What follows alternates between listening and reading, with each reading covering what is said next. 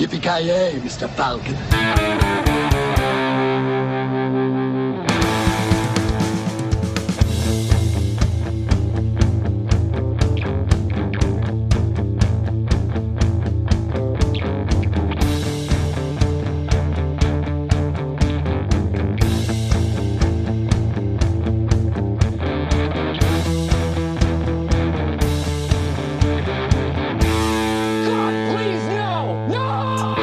Kära lyssnare, välkomna till ännu ett avsnitt av Creative Meltdown Podcast. Mitt namn är Joakim Granström och med mig har jag från Luleås djupaste urskogar mannen som för första gången har sett civilisationen. Han har sett en frisyr som glänser över allting annat, men vi kommer till det alldeles snart.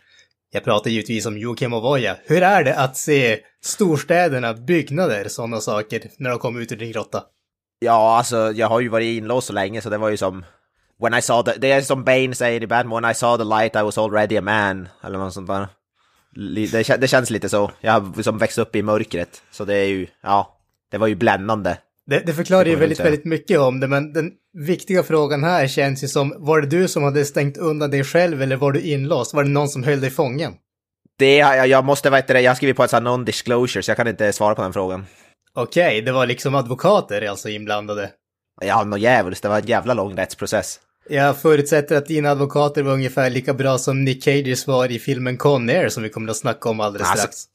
Så bra är de nog fan inte. Det är magiska advokater han har alltså. Lika magiskt som hans hår är hans advokater.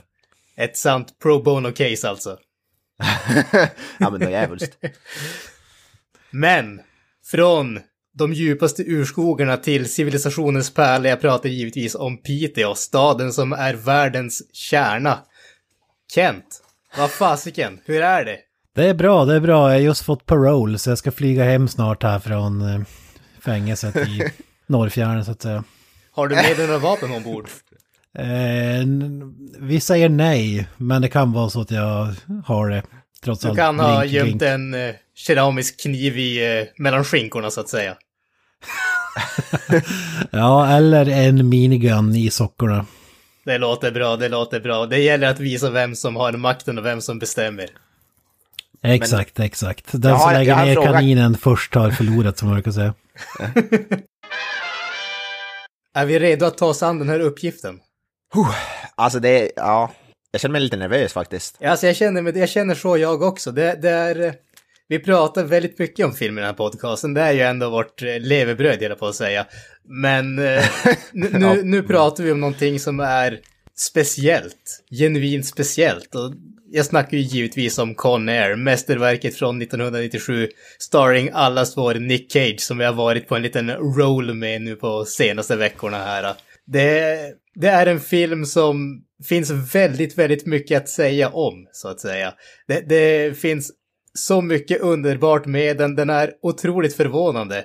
Men vi kanske ska börja liksom redan från början. Har vi sett den här filmen tidigare? Jag, jag har ju sett den tidigare. Jag var ju med när den eh, släpptes. Kent var ju också med när den släpptes. Men du har varit, vi kanske börjar hos dig för du är lite yngre. Hade du sett den? Eh, nej, jag har inte sett den. Jag var, jag var ju inte så jävla gammal när filmen kom ut och nej, jag har tyvärr inte sett den. Jag har mer varit eh, de har äh, kanske lite mer seriösa Cage-filmer som jag har fokuserat på, typ såhär The Rock och Face-Off, som visst, visserligen har vi, vissa utsvävningar och sådär, men har inte lika magiska frisyrer och inte lika mycket överspelande.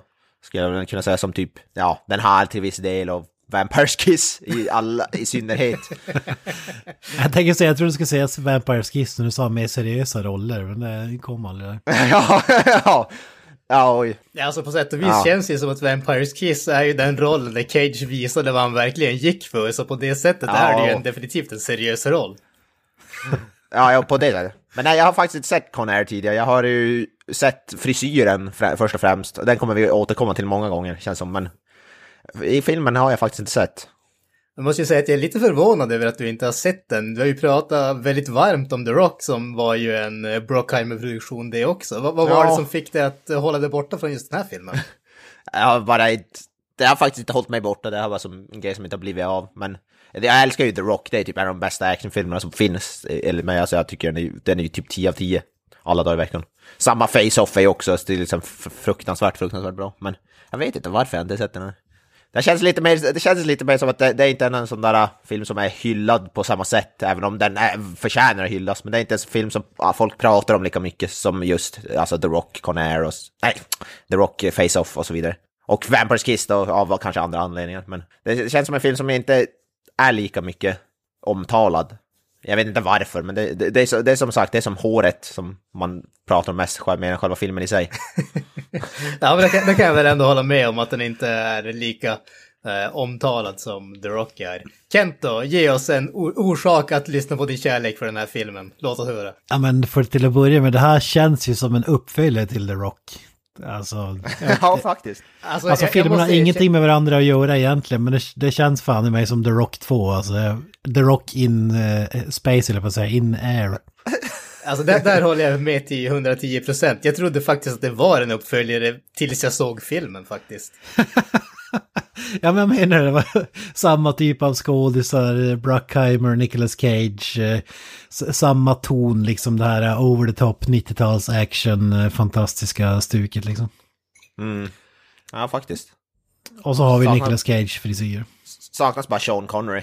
Ja, det, det, det, känns som en tragisk miss att de inte petar in han i den här filmen måste jag säga. Speciellt med tanke på att han var en väldigt beryktad skurk och allting sånt där. Det känns som att han skulle ha gjort ett perfekt uh, insats i den här filmen, en perfekt extra ingrediens så att säga. Ja, ja, herrejävlar.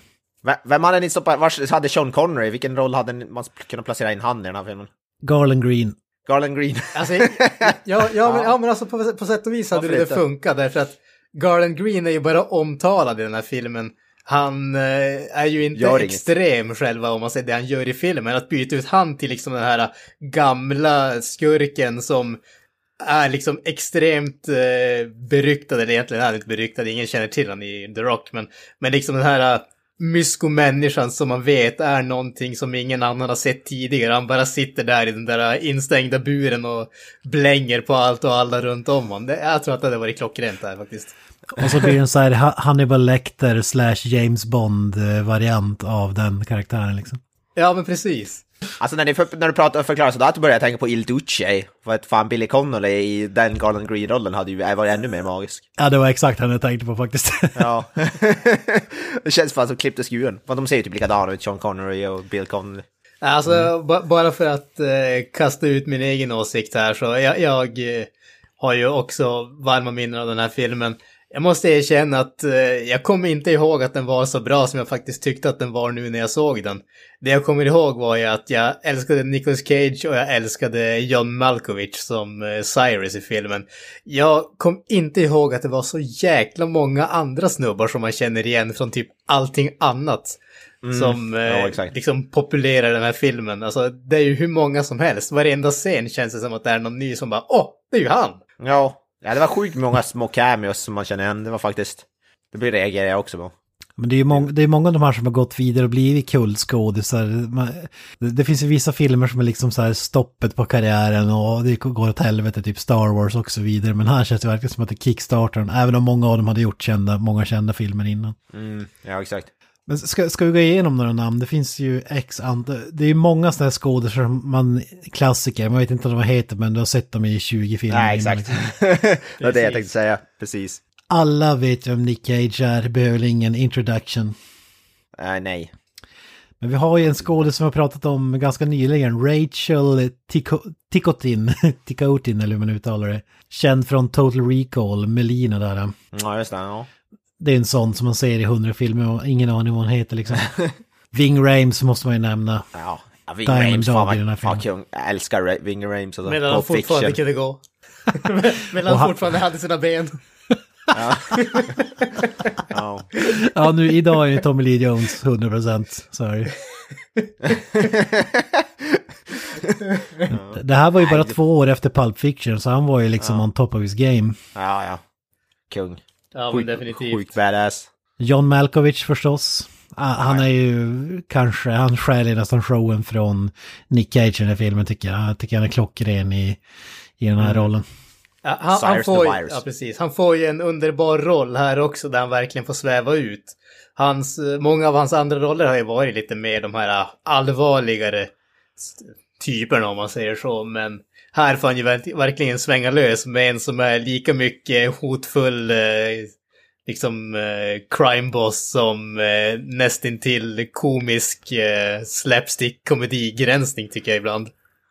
Ja, Nej, han är verkligen så psykopat. Men det, är, det märks ju verkligen alltså. Manusförfattaren, regissören skrev in tre roller enbart med de skådespelarna i tanke. Och det är Malkovich, det är Steve Buscemi som Garland Green. Den är också klockren, snubben vi snackade om här tidigare som är super... Eh, dödsmaskinen liksom som är Hannibal Lecter, eh, mannen i den här filmen kan man säga. Och så är det ju John Cusack då, polisen. Och det känns ju jävligt som en John Cusack-roll eh, alltså. Ja, alltså en sån där straight good guy, ganska trå... Eller alltså sån där, läsa lite boring på något sätt. Jag vet inte, jag tyckte jag tyckte att han var dålig eller något sånt, men han gör ju inte så mycket väsen av sig heller. Alltså, ganska typ, typisk roll. Fördelen med att ha John Cusack där, det är ju att uh, du har hans, uh, vad ska man kalla det, kollega slash motpol som är, uh, vad heter han, Malloy, vad han heter, DEA-agenten som hånar han för att han är liksom ja. skolpojken ungefär. Och det, det är mm. precis det som behövs, för jag, jag håller med dig. Jag tycker att John Cusack är han är ganska tråkig i den här filmen tycker jag faktiskt. Men jag tycker att John Cusack är ganska tråkig i allmänhet. Jag tror att det ja. kanske är det som är lite grann poängen här. Ja. Han är the straight man därför att alla andra är så liksom... Alla andra är så extrema att man måste ha någon som bara tar ner en på jorden ibland mm. så att säga. Ja. En, en lite rolig grej med just John Cusack är att han skämdes ju så mycket efter, efter att ha gjort för den här filmen att han vägrar göra intervjuer om den. Alltså än idag. så, så illa tycker jag väl kanske inte det är. Men... Ja, jag frågar John Cusack så är det så illa. Ja. Men den viktigaste skådisen av alla egentligen, det är ju Danny Trejo.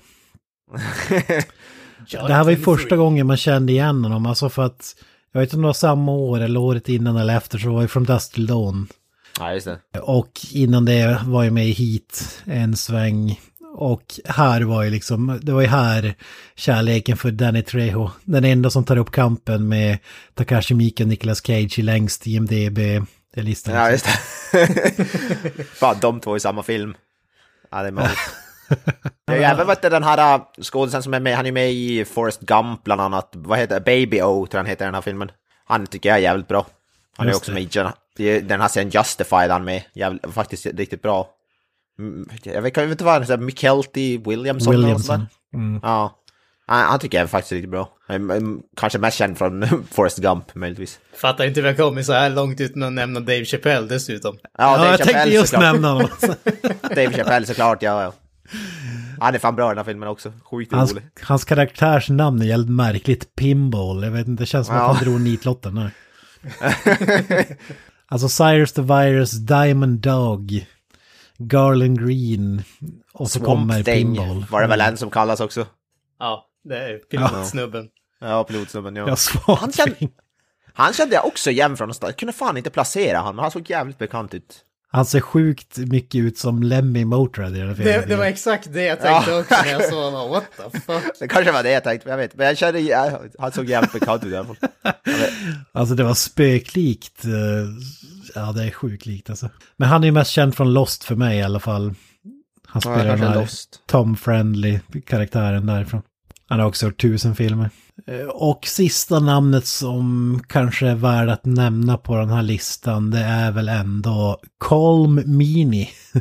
Som spelar Duncan Malloy. Mm. Ja, just det. Tidigare nämnda Duncan Malloy. Mm, precis. Han såg också sådana skådespelare som jag ser jävligt bekant ut men som jag absolut inte kan placera. Ja, men han, han är en sån där som är med lite grann, eh, lite grann överallt så att säga. Han, han, han, alltså det, han är en sån där som man lär sig aldrig riktigt namnet på men helt plötsligt så dyker han upp bara överallt tycker jag. Ja. Han är ju mest känd från Star Trek Deep Space Nine där han spelar Chief Miles O'Brien. Ja, just det. han har gjort typ 173 avsnitt av Star Trek där. Ja. Ingen serie som jag har sett men... Nej. Ja, det är också en sån där man känner igen honom men du, du har ingen aning om vad han heter. Nej, precis. Nej, fan. Namnstark ca castlist i den här filmen alltså. Minst Regissören då? Simon West. Expendables 2. Tomb Raider. Tomb Raider. Med, med Angelina Jolie då, och inte den här nya med Alicia Vikander. Nej, precis. Nej, värt att precis, påpeka. Precis. Värt att påpeka. Det här, det här var hans första film, men han, han har gjort massa reklamer och grejer. Men viktigast av allt, han har gjort musikvideon till Rick Astley's Never Gonna Give You Up. Oj, oj, oj. det, det måste ju vara hans största achievement, alltså förutom den här filmen. Då. Fan, Ja, jag hoppas ja, att så- han har fått royalties på den alltså. Ja, jävlar. Han måste ju vara... Var Fan, miljardär. miljardär. ja, någon djävulsk. Ja, det är den blir Rick. typen av gravitas som kommer in med den här filmen.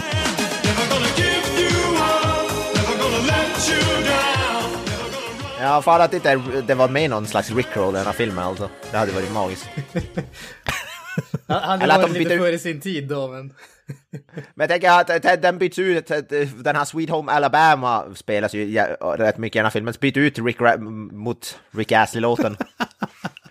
Nej, då, då ska, jag skulle, Sweet Home Alabama-låten är klockren. Däremot skulle jag vilja byta ut den här smöriga låten. I slutet där eller?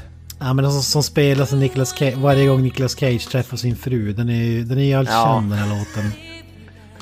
Men Vad kul det hade varit om Rick Astley spelades då. När han går och så kramar sin vad heter det, dotter så bara never gonna give you up. Fan vad, ja, vad magiskt det hade varit. Någon måste ju göra om filmen med den låten istället alltså. Då hade jag sett om den bara för det. Bara den låten i soundtracket. Ja, ja, ja precis. Underbart. Men Fan. man måste ju säga, eh, om, om inte lyssnarna är sålda på den här filmen ännu så måste jag säga att den är ju faktiskt nominerad till två Oscars. Jävlar då. Ja, där nämnda den här smörlåten som jag inte riktigt kommer ihåg hur fan den går nu, men den är ju superkänd, den gjordes för den här filmen. Och så var den nominerad till Best Sound, men 97 då vann ju Titanic varenda jävla Oscar som fanns och den vann ju även de två kategorierna, så det var ju en jävla snabb. Jag kan, jag kan ju säga att den, den eh, se på Wikipedia nu också, den var ju dessutom en eh, Razzie för Worst Reckless Disregard for Human Life and Public Property. Det är det vi säger med en sån Nicky Cage, han är en sån balanserar på, bala, går balansgång mellan så Razzie och Oscar alltid. Det är det som är så imponerande. Det kan gå åt vilket jävla håll som helst och ibland går det åt båda samtidigt. Mm. Ja, men det, det, det är för de här jävla som inte förstår dem, det är de som tycker det är skit och vi som liksom förstår det, vi inser det geniala i. Geniala i kakan. Oh, ja. How do I live without you heter låten. Googla mig fram just nu. Men de som borde ha vunnit en Oscar det är ju trots allt Nicolas Cage frisyr. Ja, fy fan. Alltså, Vem är hans ma- makeup-stylist i den här filmen? Eller hårstylist eller vad man ska kalla det. Den som gjorde makeup-grejen, jag, jag kollar här, hairstylist. Fred C. Blau Jr. En jävla legendar alltså. Ja. Det- Sh- shout out. Shoutout till Fred C. Blau Jr. alltså. Det, det, den mannen visste vad han gjorde. Lyssna här, han har gjort sminket till Blade. Ja, redan där, ni hör ju. Apornas planet, remaken från 2001. Och Armageddon samt eh, Johnny Mnemonic. Eh, Keanu Reeves, mästerverket där. Alltså det är fan en solid eh, lista där alltså. Ja. Och då har jag inte ens nämnt Adams Family. Usch. oh. Han ligger, typ, ligger han bakom Steven Dorffs frisyr i Blade alltså? Det måste ju vara det. Och, och, och Whistler, vad heter det? Fantastiskt, fantastiskt. Underbart, mm. underbart. Ska vi kasta oss in i själva filmen kanske lite grann? After serving the last of his sentence, Cameron Poe is taking the first plane home to his wife and daughter. Today's flight is a special one. We're populating Louisiana's Felton Penitentiary. These guys are the worst of the worst. I see a lot of celebrities among us. I see 11 primetime lives, three Regents and Kathy Lees, and a genuine 2020 interviewee. What you looking at, punk? Nothing, I was just admiring your cage. But one wrong flight Stewardess, what's the in-flight movie today? can ruin your whole day. What happened? We caught the plane, man! Welcome to Con Air. On June 6th, buckle up. Con Air. Directed by Simon West. Ja, men vi har ju då eh, Cameron Poe, gestaltad av Nicolas Cage, en US Army Ranger, väldekorerad som eh, tackar för sig när det kommer till armén, beger sig hem till sin gravida fru slash flickvän, jag vet inte riktigt om de är gifta eller inte. Hon jobbar på en eh, halvsjaskig bar där hon blir trakasserad av diverse fyllon dag ut och dag in verkar det som. Men givetvis när eh, Cage kommer hem så är det ju bara kärlek i ögonen. Tyvärr så är ju inte livet alltid så enkelt och de här fyllorna som trakasserar henne börjar trakassera honom och han börjar som ge sig på dem lite grann men hon stoppar honom och vi får se att han har kanske ett litet förflutet om man säger så. Men, men hon lägger band på honom och det funkar ganska bra. Till senare på natten när de ska bege sig hem och de där fyllorna har väntat på, på dem och attackerar dem helt enkelt. Cage som den eh, mördarmaskin som han är, gör vad alla vettiga människor skulle göra i den här situationen. Han försvarar sig själv och sin flickvän.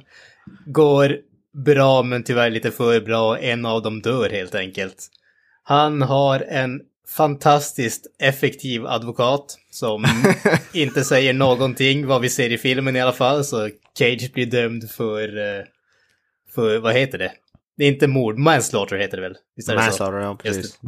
det. Eh, och hamnar i fängelse. Dråp tror jag man säger på svenska. Precis, precis, precis. Eh, han hamnar i fängelset där, där han i stort sett gör det bästa av situationen. Han håller sig på lugna gatan och gör inget väsen av det, försöker bli frisläppt så fort som möjligt. Och han får chansen åtta år senare. Han har eh, fått eh, villkorlig dom, ska sättas på ett flygplan som ska flyga han till en flygplats närmare hemmet där han ska släppas och återförenas med sin familj. Det här flygplanet, kallat eh, Conair, fraktar diverse olika fångar och just den här gången så är det lite extra speciellt därför att bortsett från Nick Cage så ska de frakta bland annat Cyrus the Virus. Det är spelad av John Malkovich, ett kriminellt geni kan man väl mer eller mindre kalla honom. Och Massmördare. massmördare, eh, en snubbe som är oerhört välutbildad eh, tack vare fängelsets eh, bibliotekssystem, mer eller mindre. Han Vad har, säger de? Han har, han har varit i fängelse typ, vadå, han är typ 39 år och har varit i 30 år i fängelse, något jag vet inte vad det, de ja, det, det är typ någonting åt det hållet. Han har typ fem stycken PhDs, alltså doktorat och sådana saker. Ja, så att han, är, han är ju, han är kriminell men också extremt smart. Och han Ja. är en snubbe som inte tycker om att sitta instängd trots att han har gjort det större delen av sitt liv. Det vill säga han har planer på att ta sig ut och det innebär att han kommer att kapa det här planet där Nick Cage då sitter. Och Mm. i typiskt action-maner så är det så att det är upp till Nick Cage att göra någonting åt det. Alltså Nick Cage får ju göra all, i, i, vi andra, vi gör ingenting. Nick Cage får allt, göra allt åt oss. Alltså, vi- när du säger det så lata. så känner man sig lite skyldig, men å andra sidan vid det här laget så börjar han vara väldigt van att ha världen på sina axlar, så att Ja. eh, det känns som att man måste liksom, man måste ge det till honom bara för erfarenheten. Ja. ja, det är ju ingen annan som kan göra det Nick Cage gör, men jag tycker han, vi borde ju kunna ta lasten lite på Jan ibland, men fan aldrig. Men Nick Cage är ju ett geni. Det, det vet jag sedan tidigare. Ja, ja. Han, han har ju två grejer som han har tillfört till karaktären i den här filmen. Kan, kan ni gissa vilka? Eh, frisyr. Ja, vet. frisyren är lite oklart, men säkert. Eh, ja. Dialekten säger jag. Jajamän. Såklart. Han ville att han, ville att han skulle ha en southern accent eftersom att people in the south är mer ridderliga när det gäller deras kvinnor än övriga USA. Så, så därför är det massa så southern stereotypes. När han sitter i fängelse så pre- prenumererar han på Offroad Magazine, han skaffar en hockeyfrilla, han älskar bilar och guns och pratar som att han är född i Alabama River. Jävla Han är ju från Alabama i filmen, så att det stämmer ju Ja. åtminstone. Precis. Ja, det var jag som häftade till där. Hans, hans, namn är alltså. väldigt, det ser hans namn är ju väldigt intressant. Det låter ju som ett populärt namn i en, någon annan franchise. Cameron Poe. Precis. Poe Dameron känner vi till i Star Wars, Force Awakens och den nya trilogin, Oscar Isaacs karaktär. Och det visar sig att det är ju faktiskt en hyllning till Cameron Poe. Så i princip kan man säga att Nick Cage karaktär från Con Air finns i Star Wars- Star Wars-universumet.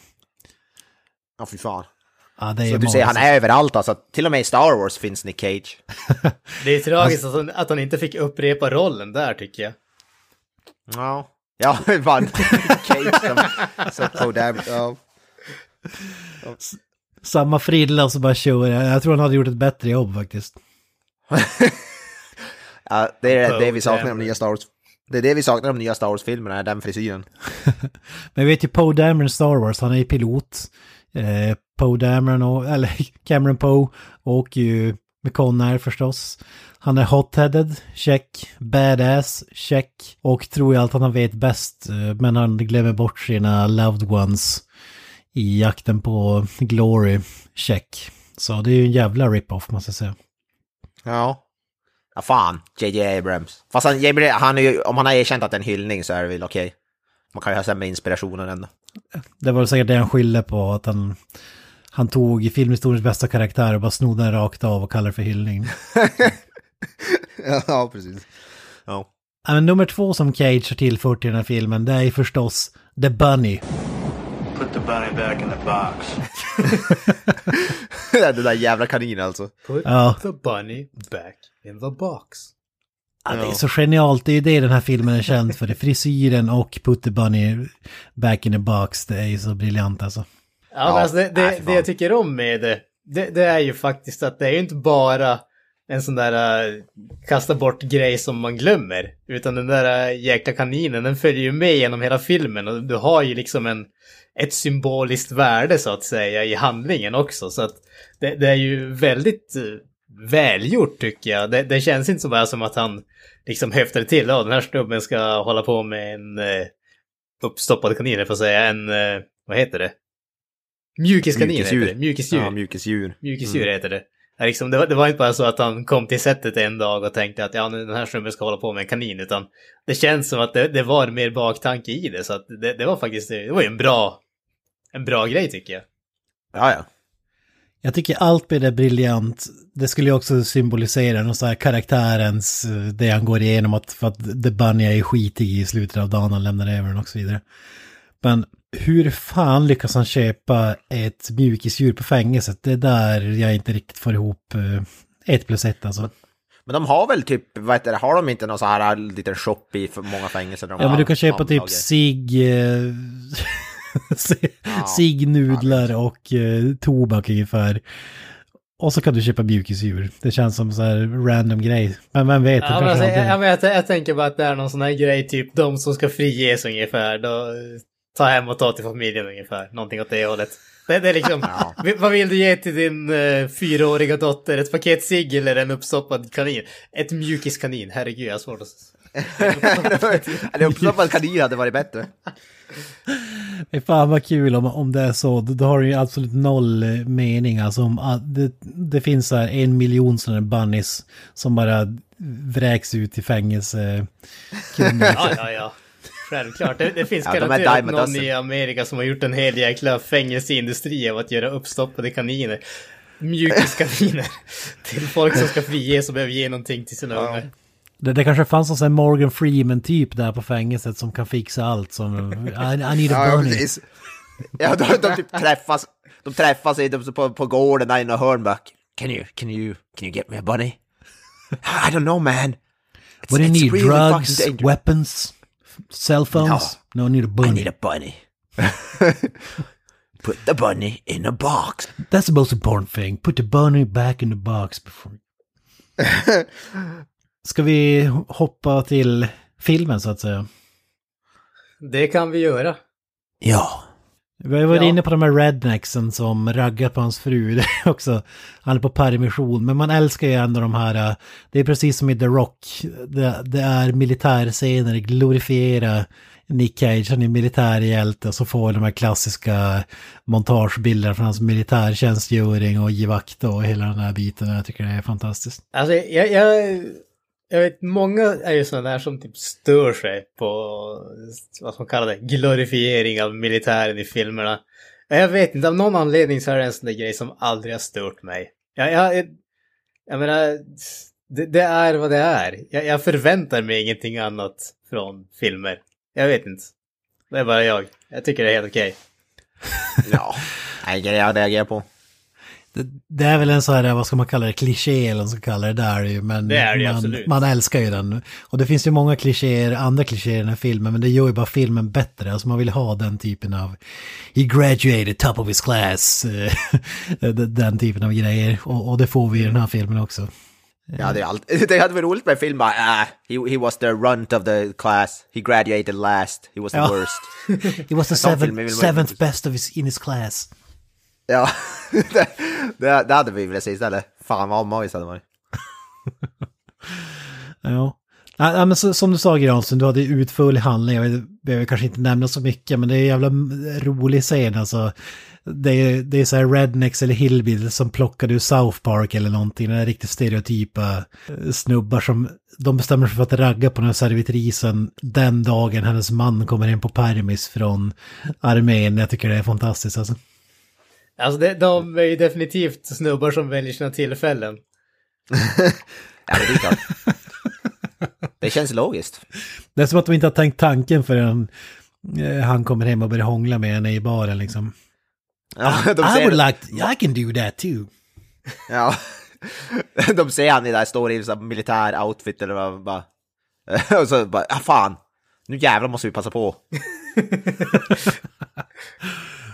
Ja. Ja, men jag gillar ju rendezvous-scenen där ute i regnet också. De ska ut i bilen efteråt. De tror att det är över och så står de här och krossar en flaska bara helt random på stängslet där.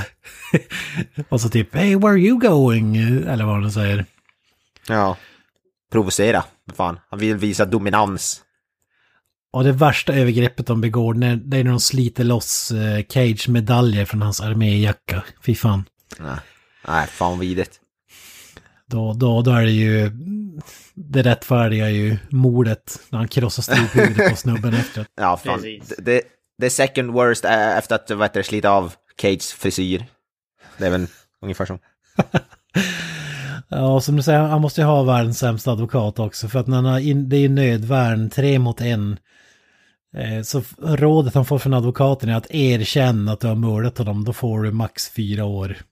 Hur fan kan det där inte bli självförsvar alltså? Nej, alltså det, det är ju sjukt konstigt. Speciellt med tanke på att det finns vittnen där också. Ja. Exakt, gravid flickvän och så barägaren är där liksom, alltså. Ja, hur svårt kan Ja. det vara? Ja, alltså jag tycker om, jag tycker ju om eh, domaren också när de är i eh, rättssalen där och säger bara att lagen är inte lika för alla för du är liksom tränad till att göra det här så därför måste vi straffa dig. Jag bara, what the fuck? Ja, exakt, you're a killing machine. Eller vad säger. Precis. Det hade advokaten aldrig tänkt på, så istället för fyra år så blir det åtta år då. Jävla bakslag, men det såg väl han som en vinst säkert. Ja, Jag tänker att den här, de som har gjort filmerna, Simon West, regissören, de kan inte ha, vad heter det, så mycket insikt. De kan inte ha haft, vad heter det, någon consultant, här riktig advokat eller något direkt. De bara det här fan, det här, så här måste ju gå till. Ja, vi kör på det fan. Man hade velat vara med när de spånar fram liksom, våran karaktär måste åka in i maximum security prison, men det måste vara hedervärt. Alltså, vad är det lindrigaste han kan göra? Att vi fortfarande ska sympatisera med honom och så vidare. Det, det hade Ja. inte varit om man hade bara mördat någon random och sen ska vi ha sympatier med honom. Typ Shawshank nej. Redemption till exempel. Nej, precis. Det måste vara i självförsvar och så vidare. åtta år in prison och jag älskar ju också det här, eh, han, han håller någon monolog där han skriver brev till sin dotter fram och tillbaka, hon svarar och så är det så här vo- voice-overs. Dearest Trisha, I think of you always. You'll smile, you'll laugh. I'm not angry. så är det så jävla kul. Och han berättar hur det är i fängelset och, och hon berättar hur det är på dagis och så drar han paralleller där i breven. Men när det är så här prison riot, hela fängelset brinner, typ det går brandlarm, folk dör. Och han sitter bara, kan han vänder sig om bara, han ligger i sängen och vänder sig om bara, typ kan ni inte hålla käften, jag håller på att skriva ett brev här. Jag ska... I'd have to agree. It's funny, but here I am, in maybe the worst place on earth, and yet somehow I feel like the luckiest man alive. Ja, det, det var lite... Jag tycker han också delar lite för mycket information med sin dotter där. Typ, och de är typ lite så här, känns som att de, de berättar saker för henne som hon inte borde vara med. Hon är mest på möten och pratar om... Ja, känns som att en fyraåring eller vad det här borde inte få reda på så jävla mycket. We, we don't have playtime but we shank each other. Ja. och så li- han, han ligger där som att, de bara, som att det är någon så här högljudd granne. Det här prison right. Och sen älskar att han blir vän med en polare som visar sig ha diabetes och han matar honom med typ eh, mums-mums-aktiga grejer. Jag vet inte fan vad jag ska kalla Ja. det. Alltså. Ja, sådana snowballs som de kallas i USA. Rosa jävla chokladgrejer. I got your package. Those pink coconut things have made me quite popular. Met a guy just the other day. Baby-o. He sure does love them. Borde inte det vara dåligt att käka med diabetes? Eller jag vet inte hur det funkar men... Det... Ja, ja det Det känns som att det borde vara jävligt dåligt. Att man, ja. Det är ju socken och djävulskt. Man måste ta insulin så det stänker om det, höll jag på att säga. Det kanske är därför han har sånt medlidande. För att han har försökt mörda honom i fängelset med sina jävla mums-mums-grejer liksom. Eller det var då han fick diabetes snarare. Ja, exakt. Det kanske är Cameron Poe som är the real bad guy här. Försökte ta ihjäl han all along. Han Det leker med blir en. Cobra Kai-grej alltså. Man trodde att han var hjälten men egentligen var den stora skurken hela tiden. Ja, ja. Mörd, mörda. Killed by mums mums. Ja, han, han ville inte bara skjuta honom, han ville att han skulle lida ett helt liv med diabetes. liksom. Ja. Fan. I'll make you never forget me. Ja. Every time Slow you eat candy and you almost die. You're gonna remember me. My, my cellmate got diabetes, so please send more... Uh, vad fan han heter. More mums mums. Ja, mums mums. so I can kill his ass. Åh gud. I'm trying to kill him but it's taking too long. Send me some sugar baby. Ja, fy fan. Och, och så älskar jag med montaget när han gör armhävningar och, står på händer och gör armhävningar och alla de där grejerna. Han blir ju fit som fan. Det här, det här Ja, måste ju ja. vara den filmen där Cage är som mest rippad. Jag, jag kan inte minnas någon annan film där han är så här biffig alltså. Nej, Alltså i, Man, i Mandy har han ju värsta dadbodden som jag tycker är ganska awesome. Men den är ju, ja. Den är awesome på ett helt annat sätt. Det här är ju fan Stallone-klass nästan. Alltså kanske inte riktigt lika... Inte riktigt så extremt skulle jag väl inte säga, men... eh, Men Nicolas Cage mått mätt så är det Stallone-klass kan man säga. Ja, ja precis. De, definitivt är det så. Jag kan inte komma ihåg att jag har sett någon så här biffig i någon annan, någon annan film faktiskt. Han var väl ganska biffig Ghost Rider i och för sig. Inte, ja, ja men faktiskt lite grann. Alltså jag vet inte hur, hur stor är han egentligen? Alltså hur lång är han? Vad ska man tro? Är han en 180-185 däromkring eller? 2,20 kanske. 230? ja, precis. Som Shaquille O'Neal. Uh, Han dunkar ut meter från marken. Stallone ser ut som han gör på grund av sin uh, längd, eller avsaknad av längd snarare. Ja, Han är 1,83. Han- Ja. Ja, bra gissat av mig. ja, men då är han ju, då, då, då är han ju rippad för sin eh, längd så att säga. Ja, ja nej, men Ja. Så, så är det ju alltid. Alltså, de, de som är riktigt rippade är ju ofta kortare bara för att det blir lättare att få den där liksom bulkiga looken så att säga. Kortare muskler och så vidare. Ja. Ja, jag, jag vet inte hur man ska gå vidare från den här fantastiska scenen, men jag gillar att han prenumererar på Offroad Magazine också, bara för att slå fast den här hillbilly southern-delen av karaktären. Alltså.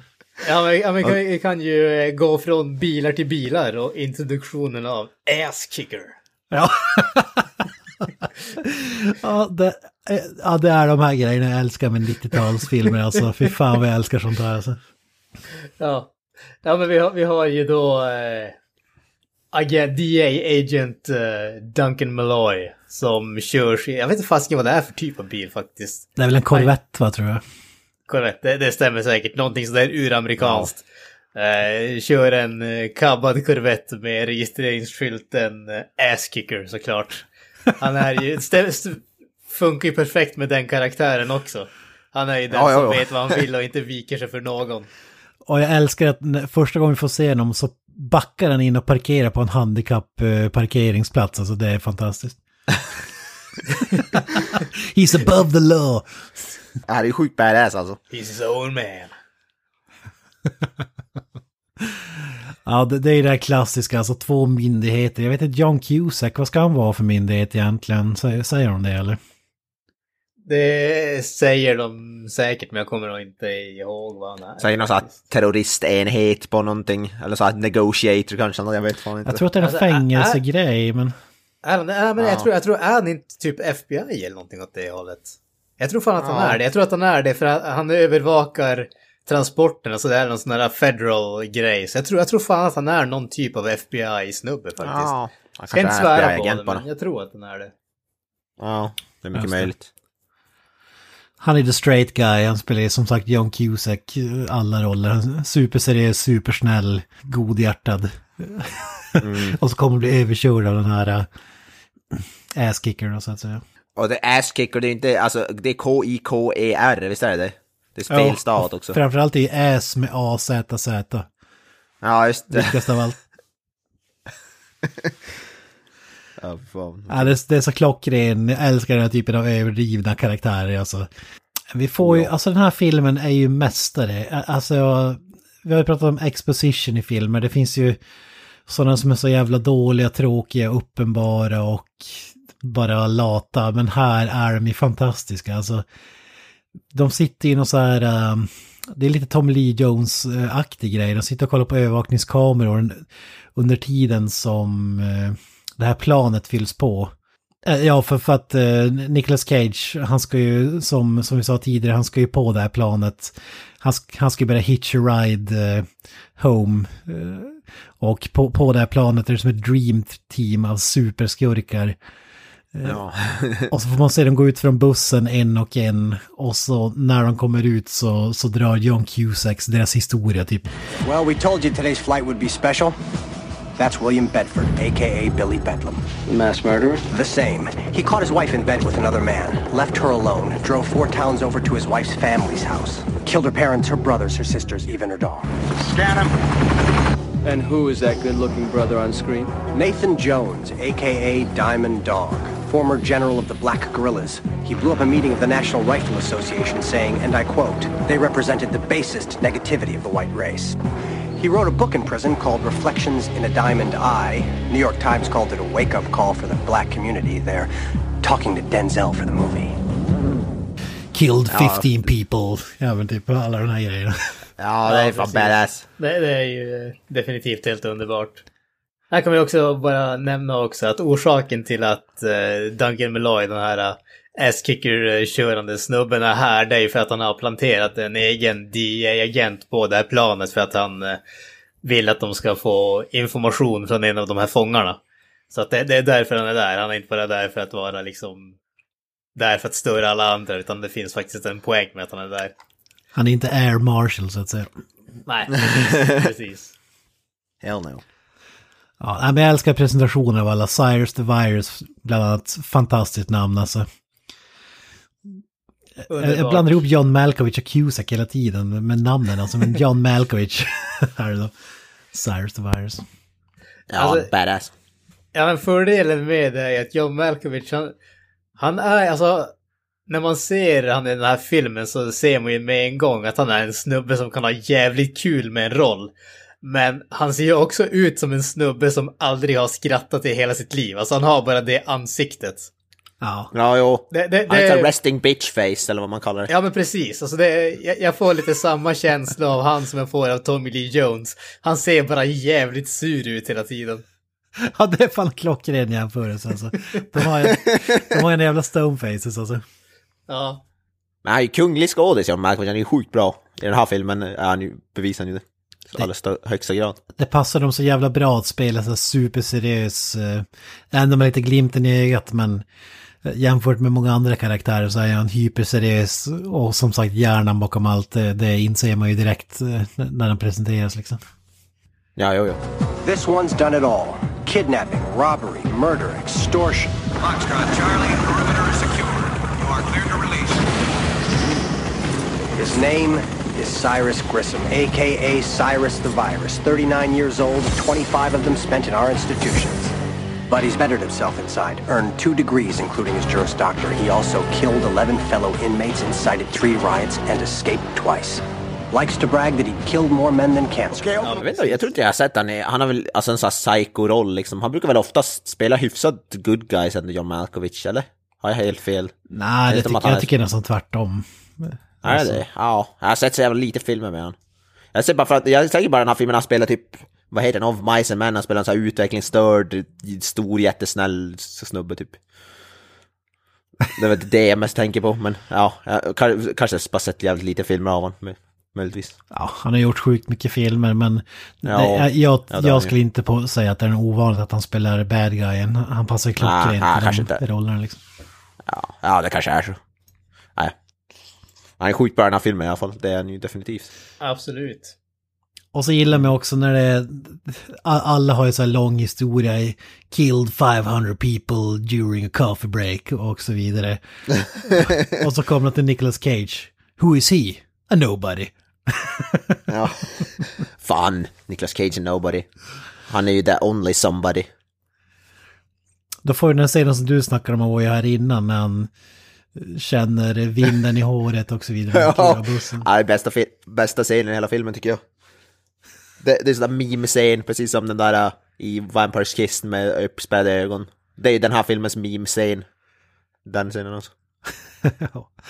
Jag vet, vi, vi kanske inte sa det, men han, han har inte sett sin dotter och fru på åtta år för att han, han vägrar att hon ska se honom i fängelset. Han, vill, han vill inte att hon ska ha den bilden av honom som farsa liksom. Så, så han har inte sett dem Ja, på precis. åtta whole years. Så det är därför han längtar så mycket för att bli frigiven så att säga. Och så där kom, går han ut i den här prison bus och så får han känna vinden i håret typ efter flera år. Och jävla Ser ut som att han får, får det är så erotiskt nästan. Ja, men den där frisyren så är det svårt att bli annat än, än just det så att säga. Ja, nej, det är ju ytterst erotisk frisyr. För han har ju inte klippt sig i fängelset på de här åren. Han har ju bara låtit, låtit det växa. Ja. Raka sig har han tydligen gjort, för skägget är inte så jättelångt ändå, men han, håret har han fan inte klippt. Nej, sorry. Ja, vad säger du Granström? Det, det sista vi får se det är att den här DEA-agenten, John Cusack, vä vägrar ju att han ska få ha pistol med sig på flyget. För det är ingen annan har ju pistol annat än... Det finns bara en pistol och det är hos piloten. Och han vägrar ha en till på flyget för att det ska vara farligt. Men ass-kicker som den sluga jäveln är smyger på honom med pistol just när han ska gå undercover med de andra fångarna. Ja, alltså det, det, det säger sig självt att det där var ju dömt att misslyckas. Inte nödvändigtvis för att det, eller bara för att det, det inte ska vara något vapen där, utan för att du sätter en snubbe som redan innan vi har gjort det här har sett att han är, han tror att han är mer badass än vad han egentligen är om man säger så. Och det sätter han på ett plan med de hårdaste snubbarna i världen i stort sett. Du vet redan där att det här är bara dömt att misslyckas. Det finns inte en chans att det kommer att gå som, eh, som de tror att det kommer att gå så att säga. Så att eh, jag, jag skulle vilja säga att det var väldigt eh, väldigt dumt. För att säga det snällt. Ja, ja du tyckte inte det var ett klokt, klokt beslut så att säga. Men jag menar, vad kan gå säga. fel? Det finns ju ingenting som kan gå fel här. Nej, nej. Nej, alltså det, det säger sig självt. Alltså jag menar, har du världens mest eh, hårdnackade mördare runt om dig så vill du ju ha någon liten eh, ärtskjutare så att du kan hålla dem på avstånd så att säga. Ja, det, det finns ju ingen chans att de kommer få tag i pistolen på något sätt heller. Absolut Det är ju helt inte. omöjligt. Nej, nej. Det, det, det är alltså folk som, eh, folk som tror att man inte behöver en pistol, det är de som tror att eh, det är liksom man kommer inte att bli överfallen när man går ute på gatan eh, på vägen hem. Mitt i natten. Alltså varför, tro, så. varför tror du alltid, alltid jag går omkring med en sån här, vad heter det, Magnum revolver på jobbnätterna när jag jobbar? Ja, Fan. men det, det är det jag menar. Du är ju Dirty Avoya. Det är liksom... Ja. ja, jag, jag är ju dirty, men det är ju på ett helt annat sätt, men det ska vi inte prata om. När hundarna kommer och jagar brevbäraren. Do you feel lucky, dog? Stand-up. Eller med Agda 67 som är förbannad för att jag är sen med tidningen. Ja. Do you feel lucky, old lady? Skjuter jag, skjut, skjuter jag av bromsarna på hennes rullator så att hon får åt helvete. ja, fy fan. Det står i nedförsbacke eller vadå? Ja, det är det vi gör. Ja, Vad dumt.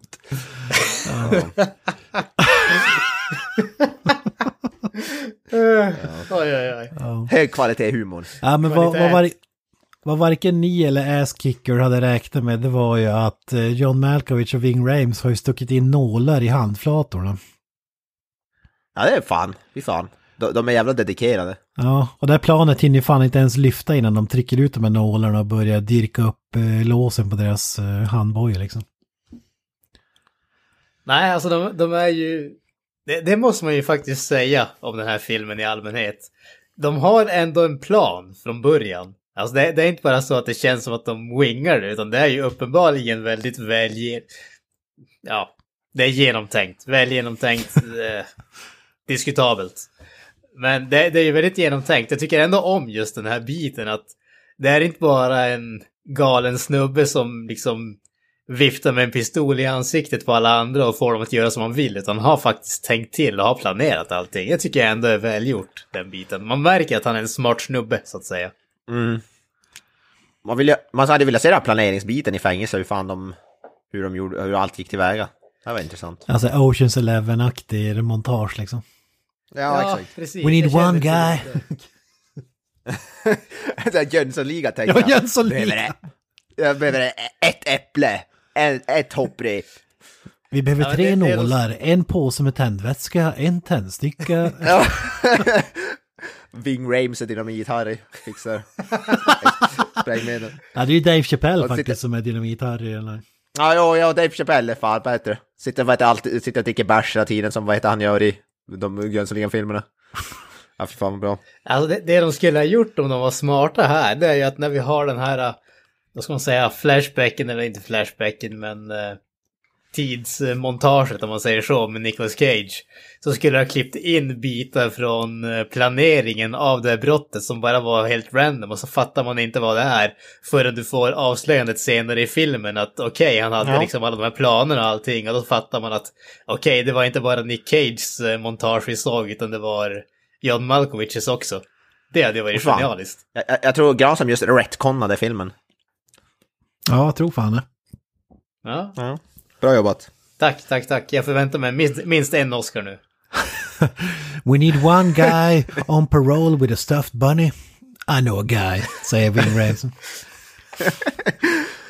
And he needs to have a mullet. He's got that too. We need the guy with the mums mums. Oh, he's got Give me the that guy- too. He's got everything. Give me the guy with the mums mums. Ja, för fan. Ja, men när den här planen comes into play, inte nog med att de dyrkar upp låsen, de har ju dessutom Dave Chappelle eh, börjar ju spy upp eh, ett snöre och dra upp, han har ju nämligen svalt tändvätska och en tändsticka visar sig. Men Nick Cage ser det här när han hostar upp det och tänker typ, och han säger typ, ja men håll käften, säg ingenting. Han sitter någon rad bakom. Och han bara står, står och kollar på och tänker, ja okej, det här är fullt normalt. ja, ja, exakt. Han, han kunde ju för fan Ja, ha men det- stoppat det- allting. Ja. Ja, men nej, vad, ja, kanske. Men å andra sidan, det här, det här passar ju perfekt in i hans bara liksom stäng ute allting annat. Bry dig inte om vad som händer runt om det. Ta det bara hem till frun och ungen. Det, det passar ju ändå med den biten tycker jag. Ja, det är ju verkligen så resonerar senare i filmen liksom. definitivt, definitivt.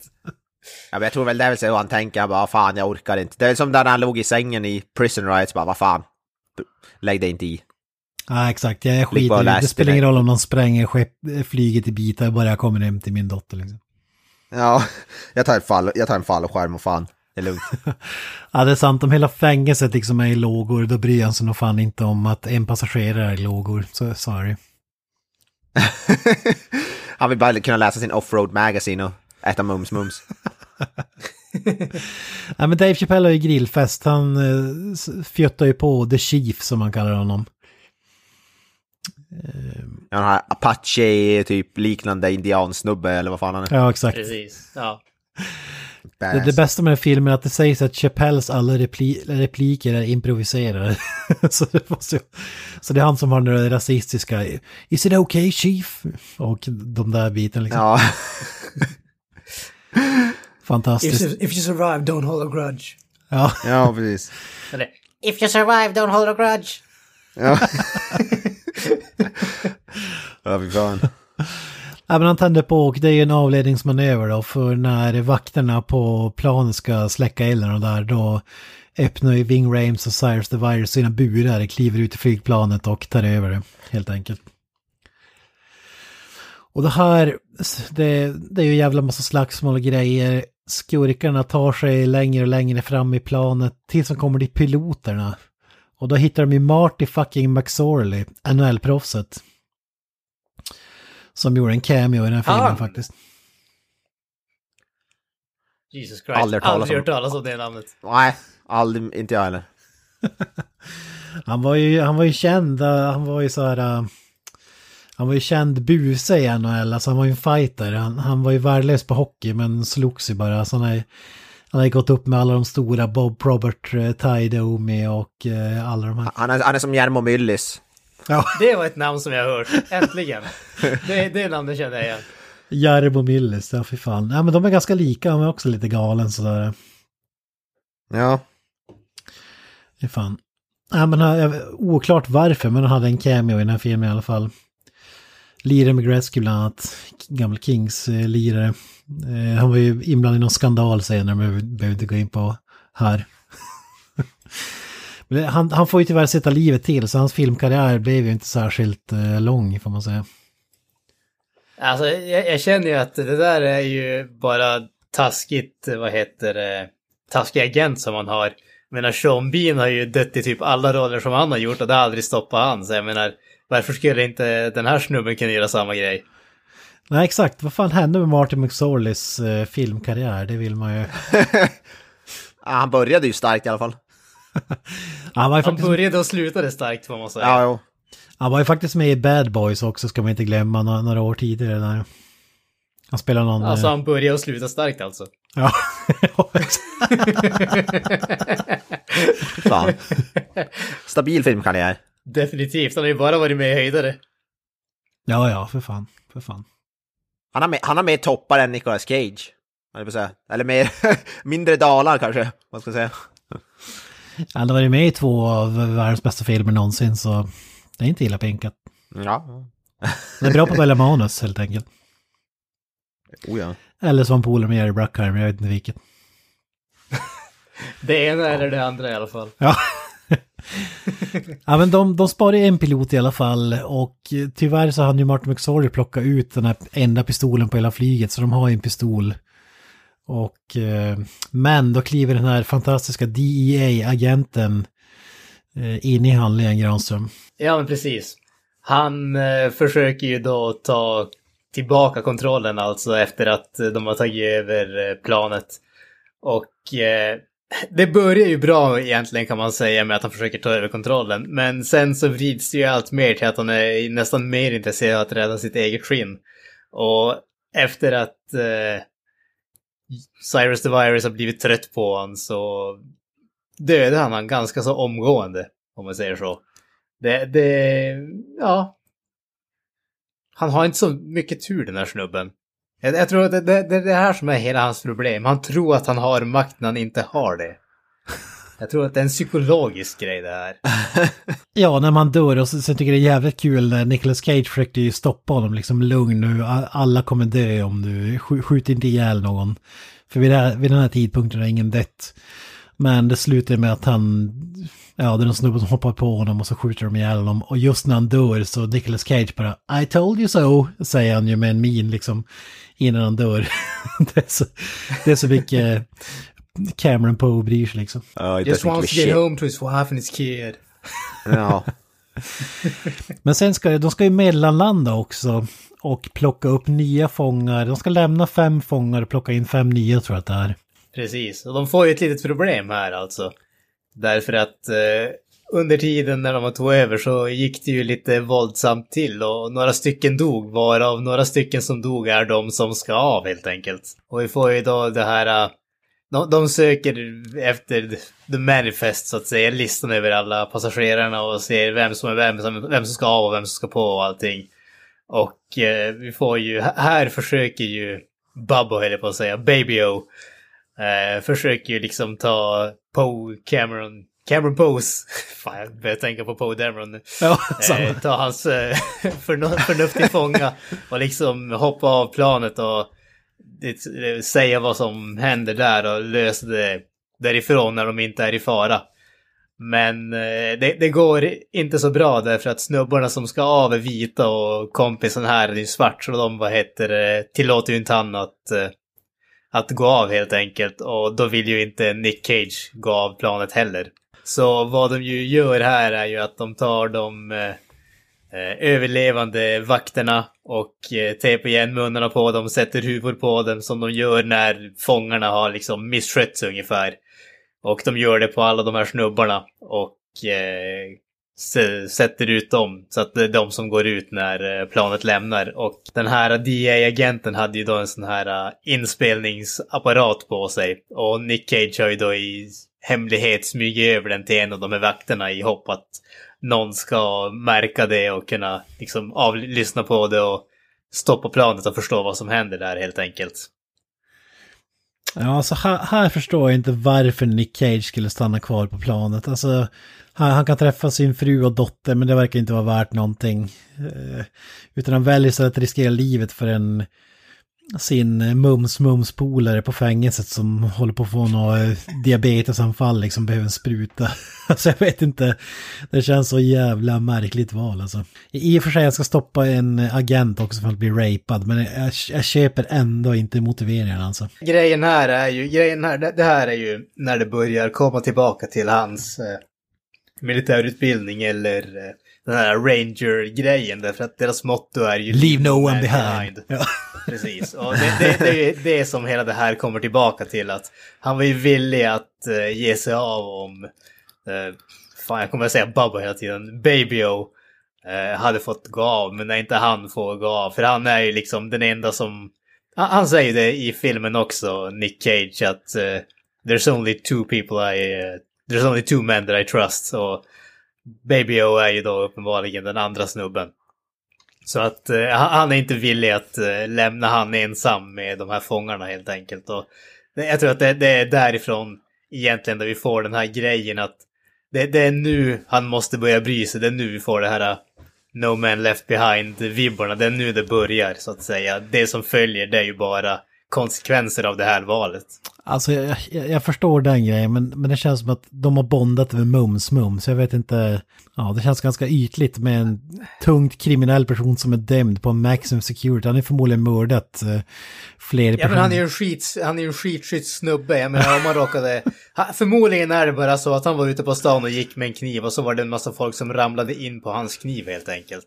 ja, ja. Det var så det hände. Ja men då, då har jag övertalat mig. Jag, jag, nu förstår jag fullt vad Nicolas Cage motivation är.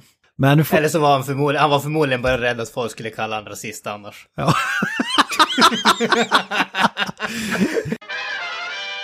Men vi ska, vi ska ju tillbaka till fängelset för det här är fantastiskt. De ska ju mellanlanda i Carson City och vi var ju nyfikna på hur planen här, Jönssonligan-planen, den har ju planerats i fängelset. Några som städar Cyrus the Virus cell jävligt noga upptäcker att det ligger lite skräp på golvet. Och när de flyttar på några grejer och skrapar lite så inser de att, vad fan, okej, det är någon som har gjutit igen väggen här nyligen. Och där inne i väggen hittar vi ritningar på flygplanet, flyktvägar och kodade meddelande med, jag höll på att säga Jesus Pix, men vad heter den, sista måltiden är det väl? Ja, precis. Där de har karvat ut ögonen på eh, alla figurer där för att kunna läsa ett kodat meddelande. Jag tycker det är fantastiskt. Genialiskt. John Cusack kallas till den här cellen, han inser det här kodade meddelandet, upptäcker att eh, någon ska möta dem i Carson City eh, och ska springa därifrån. Men det sista han säger till vakterna är att rör ingenting, jag kommer snart tillbaka. Men det är en vakt som inte kan hålla sig, det finns en låda där det står Don't touch, eller Don't open. Han öppnar den och det visar sig vara en bomb där inne så hela jävla cellen sprängs. Ja. Dave Chappelle på det här flyget och de planterar dessutom, det finns ett sätt att spåra den här äh, flygplanet med och den grejen skruvar fångarna loss och sätter på ett turistplan. Transpondern, ja precis, en viktig grej. Men vi glömde ju säga att fångarna de plockar upp, det får ju ett nytt Dream Team och vi får ju då bland annat Garland Green. Eh, Och vad, vad ska man säga, hans presentation, det är lite Il Duce-vibbar över den. Ja, Ja, Steve det- Buscemi Ja, är det ju ja, för, precis. för det första. Steve Buscemi. Ja, jag skulle ju säga att man får ju mer, eh, vad heter det, alltså ha- han känns ju som någon blandning mellan typ, eh, Hannibal Lecter ja, och... typ Hannibal Lecter och eh, typ Green River Killer och sådana där, alltså lite mer Ja. verklighetsliknande mördare. Och nej, alltså det, han har ju den här underbara kontrasten tycker jag också. Att, för det, dels får vi den här klassiska scenen där han liksom, de, de backar in med en lastbil. De, eh, vad heter det, öppnar dörrarna och så är det typ snubbar med typ långa jävla pålar som typ sticker in dem i låsen och drar ut den här Garland Green då. Och han är ju liksom det, han är ju monstret om man säger så. Han är liksom mördat 37 snubbar eller vad det nu är. Och han är typ tiny. Alltså han är liksom hur liten som helst, ser han ut att vara i alla fall. Och det, det är den här underbara kontrasten att han ser så liksom beskedlig ut. Han ser inte ut som att han skulle göra en fluga för när ungefär. Fast han är typ den värsta mördaren bland dem. Ja, det är ingen som vågar typ en gå typ fem meter dad. i närheten av honom, man måste ha de här pinnarna. och så ser han Ja. ut som han gör, det är fantastiskt. Han ser ut som någon som kan, skulle kunna dra, dra dad jokes i, i familjemiddagen liksom. Ja men det är typ den. Det är typ det. Men det gör han ju nästan obehaglig på något sätt. Om man hade varit en överdriven så här tatuerad snubbe och typ, eh, jag vet inte, Danny Mm. Trejo-typen, då hade det varit lite väl Ja. överdrivet. Men det, det Ja, passar så ändå på något konstigt sätt att han är som han är liksom. Ja, Ja, men det är det, det är väl det här, alltså det, det är väl lite grann Ted Bundy-grejen alltså, där han var... ha- Han såg så trevlig ut och normal ut så ingen kunde tro att han gjorde det som han anklagades för att göra ungefär. Och jag menar, Steve Buscemi är ju... Han har ju ett annorlunda utseende, men jag tycker att hans utseende har ju blivit mer, mer annorlunda med åren om man säger så. Alltså han har blivit äldre och man ser att eh, rynkorna börjar komma och skinnet börjar hänga och sådär. Här var han ju ändå förhållandevis ung, alltså det var ju ändå snart 25 år sedan. Så att eh, här ser han ju ändå, han ser lite udda ut men han ser inte sådär skräckinjagande ut på samma sätt som jag kan tycka att han ibland gör numera så att säga. Ja, här är lite mer Big Daddy-stuket. Ja, precis. Nej, nej, vad säger jag? Big Daddy? eh, Mr. Deed-stuket. Ja, just det. Sandler som Sandler. Precis, same shit. Eh, Men eh, när, eftersom att John Cusack listar ut där, då ska ju meddela trupperna att st- stoppa planet för att lyfta igen. Men han hinner ju inte och det är ju lägligt nog en sandstorm så alla måste ju ha masker på sig när de är ute i sandstormen. Så det är ingen som ser att de här vakterna är fångarna och så vidare. Och just när de drar iväg så ska ju Dave Chappelle försöka hinna tillbaka för han har ju lämnat den här transpondern på ett turistplan men kan ju inte hålla sig från att ragga på en, på en brud där inne i hangaren. Eh, men hur som helst, han försöker, han försöker hoppa in i planet i sista stund i landningsstället men fastnar där och dör. Och eh, det är, de ska ju undersöka vad fan landningsstället, de kommer därifrån, ska undersöka vad landningsstället, vad felet är.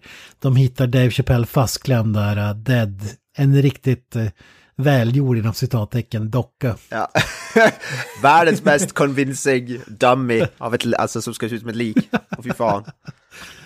Ser ut som att man har gjort facet i någon sån här typ av sån här, vad heter det, Play-Doh, lera typ. Ja. Som man lekte med i skolan.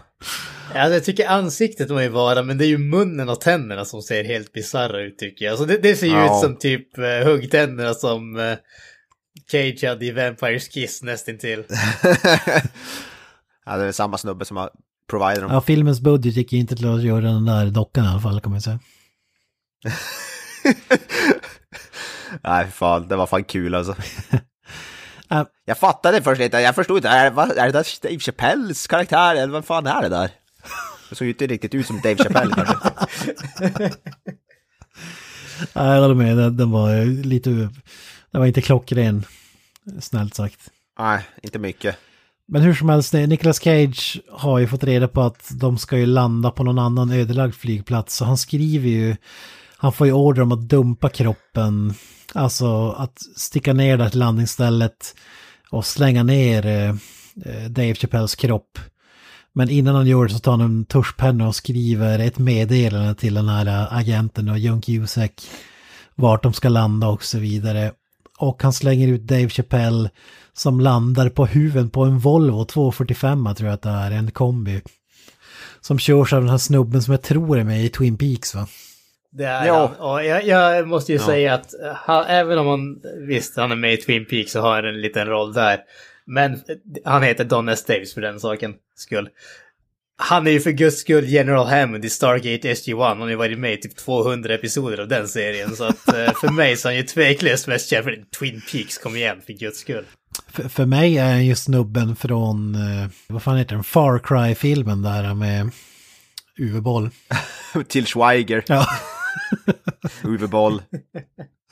Yes, ja men den landar på hans huvud. De, eh, den här snuten ringer till, eh, eller en snut som reder ut en olycka, när de så kallar det. när någon dumpar ner från skyn, ner på bilen och han ringer och berättar om det här meddelandet. Och då beger sig ju John Cusack ner till den här övergivna eh, flygbasen som de är på väg till för att försöka hi- hinna före dem så att säga. Och då snor han ju Ass Kickers bil. Han snor The Ass Kicker helt Ja, enkelt. fy fan. Ja, precis. Vilken jävla hädelse. Sagt. Och vi får ju den här uh, Bunny in the Box-scenen som är så jävla ikonisk. Vad säger du Mr. Roy? Jag hade ju önskat för det, för det första, var kan jag få tag i en sån där bunny? M- Merkin, merchandise. Det måste ju finnas. Ja, ja, vad fan. Ja, Att de inte är miljonsäljare, det är, ja, det måste de ju vara. Men ja, det är, den här, bara, den är, det är som den här suitcasen i Pulp Fiction, den är så här som bär hela filmen. ja, faktiskt. Ja, det är en McGuffin så är det. Ja, precis. Det kanske innehåller någonting i, det kanske finns något i kaninen där som vi inte får se. Han kanske smugglar någonting i den där. Insulin. Insulin. Precis. Eller mer mums mums.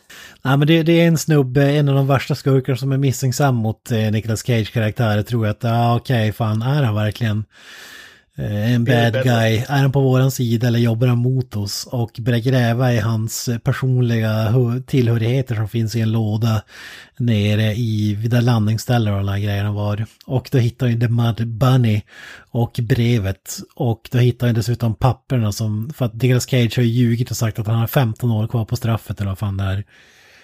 Men i det brevet framgår det då att han skulle släppas eh, fri i, idag. Eh, Så han blir direkt misstänksam då, helt klart. Eh, Och, och det är då vi får den här Put the bunny back in the box. Put the bunny back in the box. Why couldn't you put the bunny back in the box? Precis, Poe hoppar ju ner i det här uh, bagageutrymmet eller vad man ska kalla det. Och ser att han håller på att rota bland hans grejer och håller i den här jäkla kaninen. Och får, som sagt, du får den här underbara put the bunny back in the box. Och sen får vi en ganska så underhållande stridsscen, måste jag är slagsmålscen måste jag säga. Trots att den, alltså, det som gör den underhållande är att den är så annorlunda när den är i ett sånt litet utrymme tycker jag. Ja.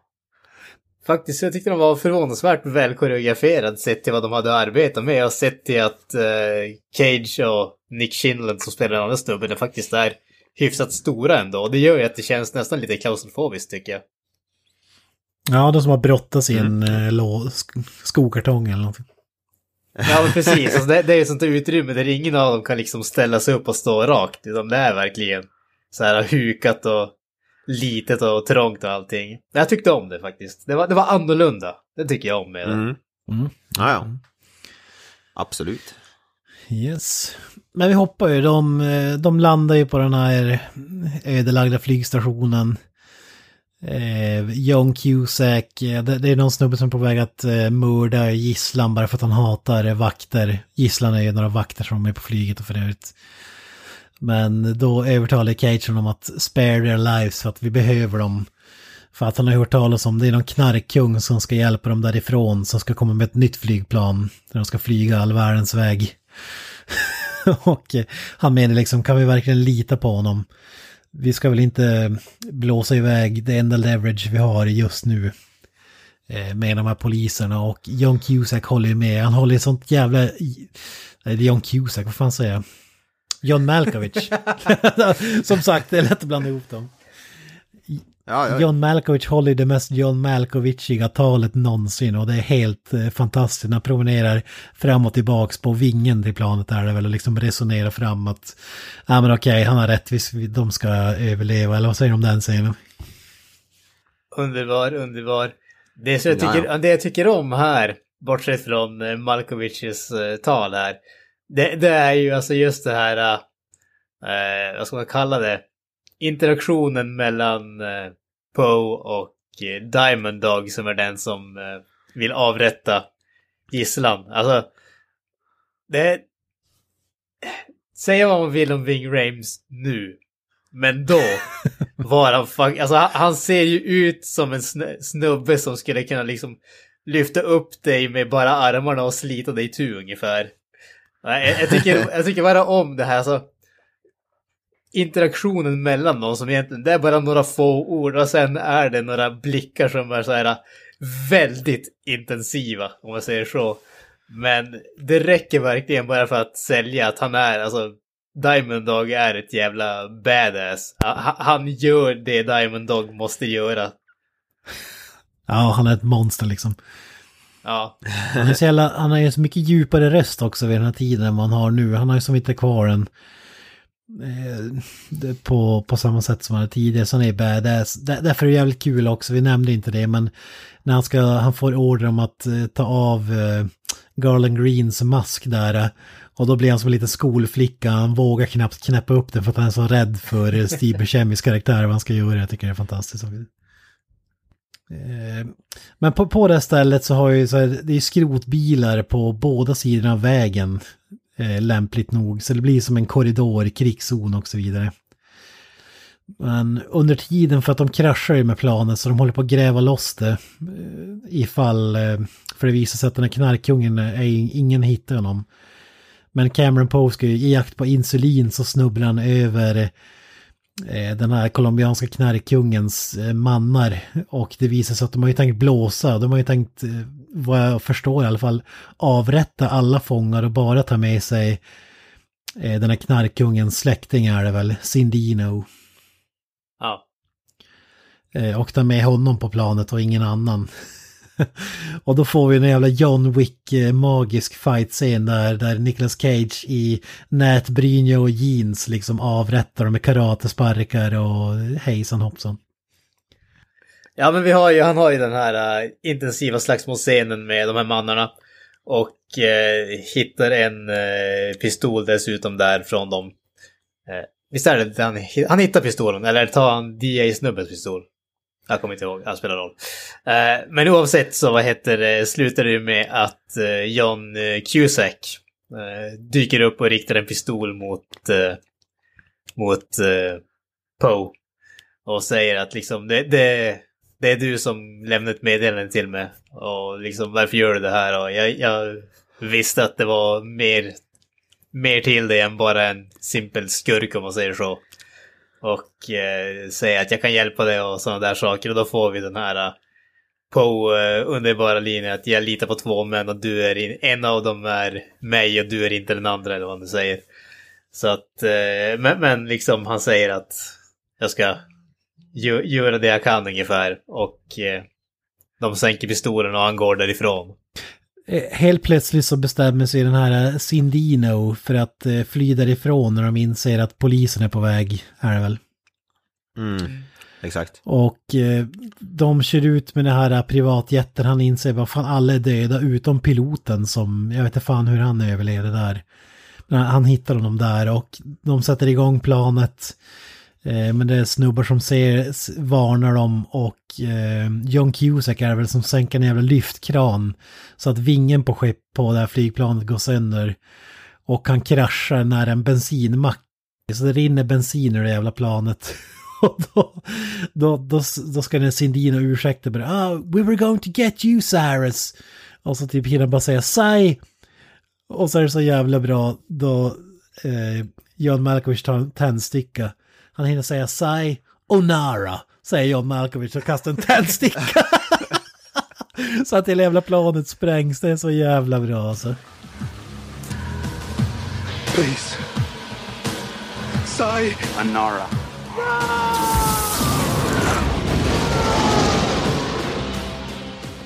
Och sen var ju den här flygfältet blir en krigszon då där det sprängs. Det finns ju hur mycket vapen som helst på det här planet visar det sig.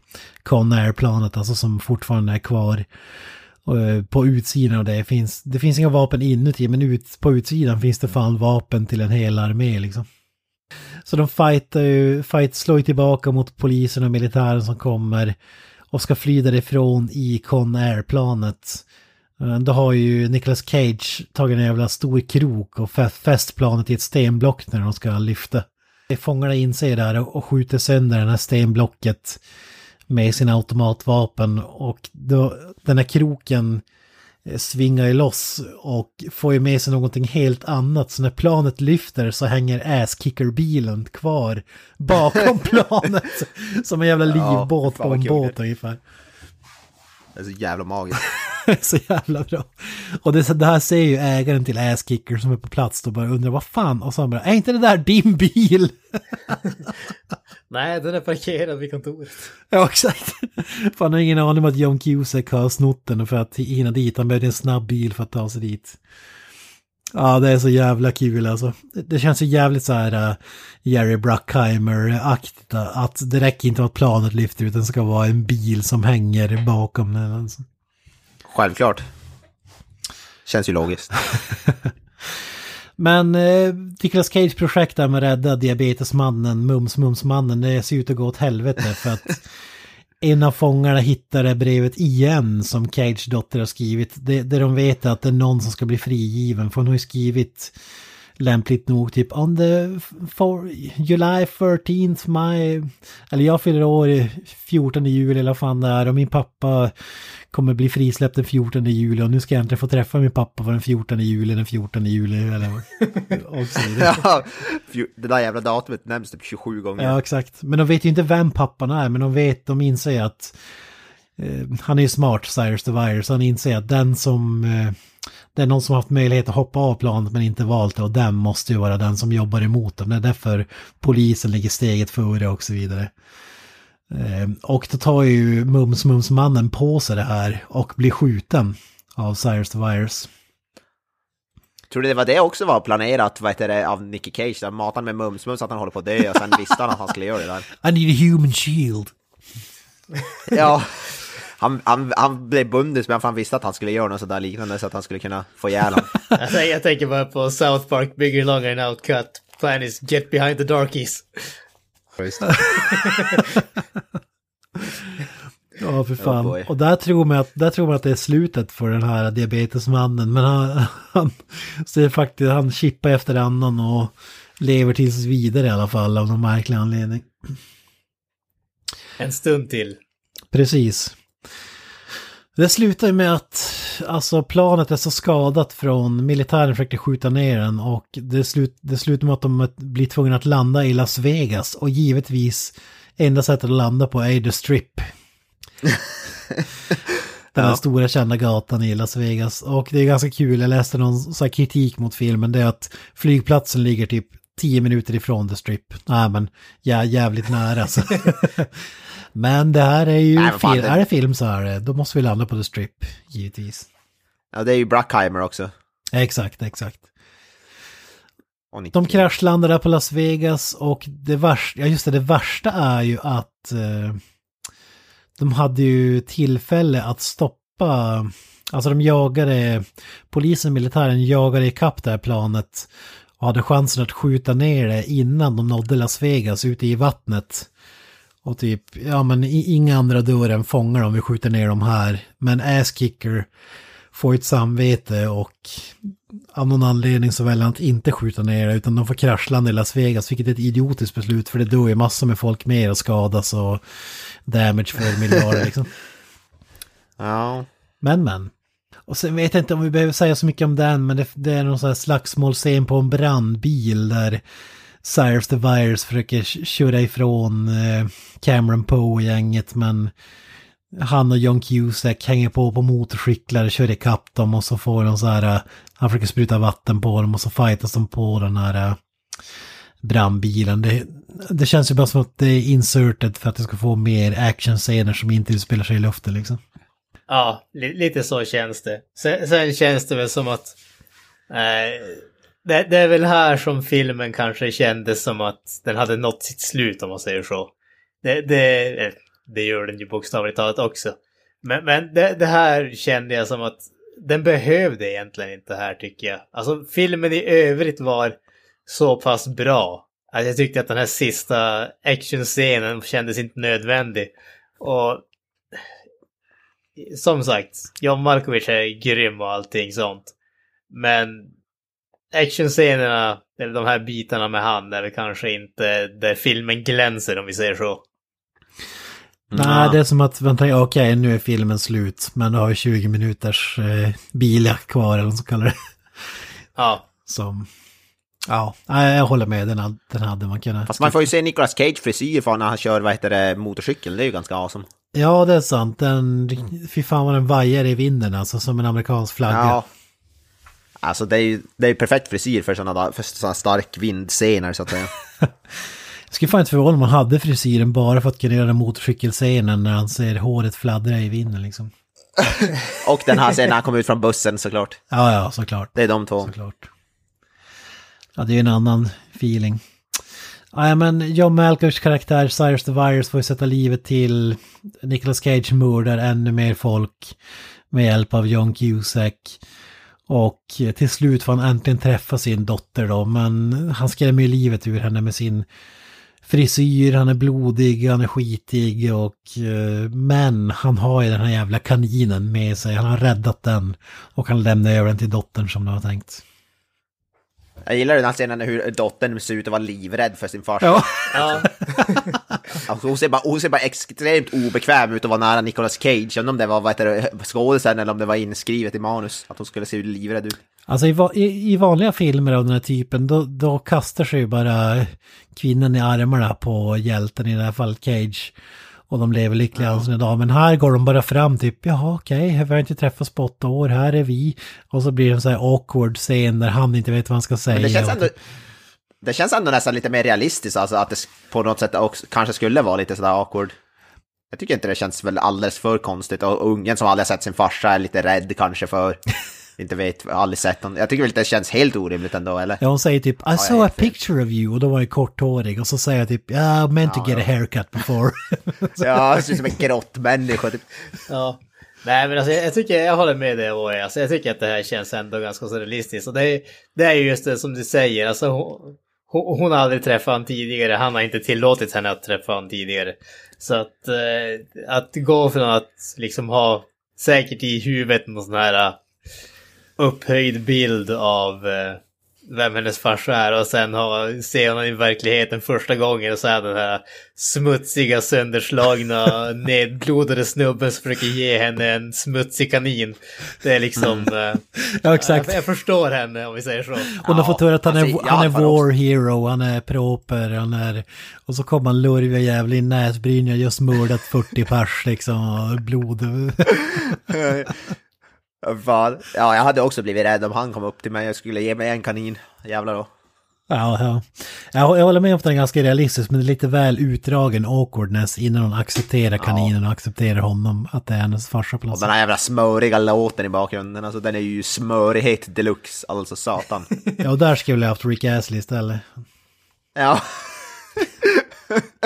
När han står och ger kaniner där.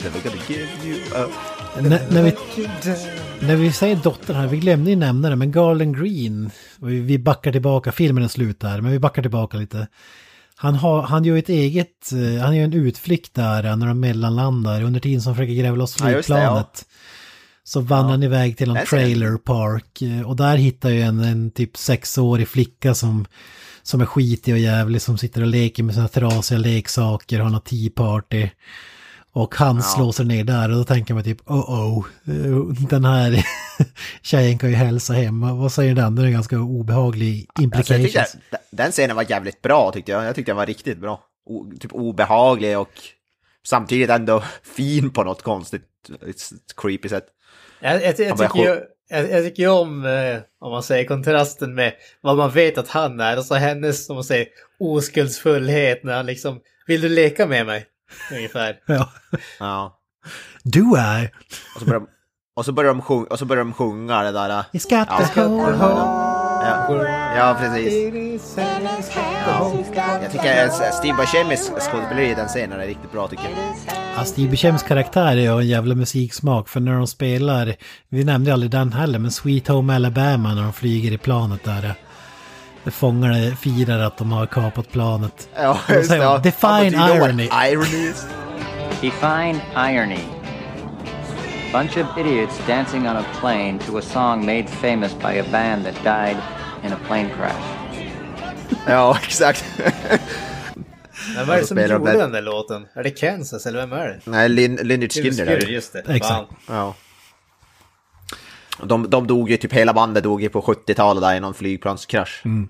Det är det som är grejen.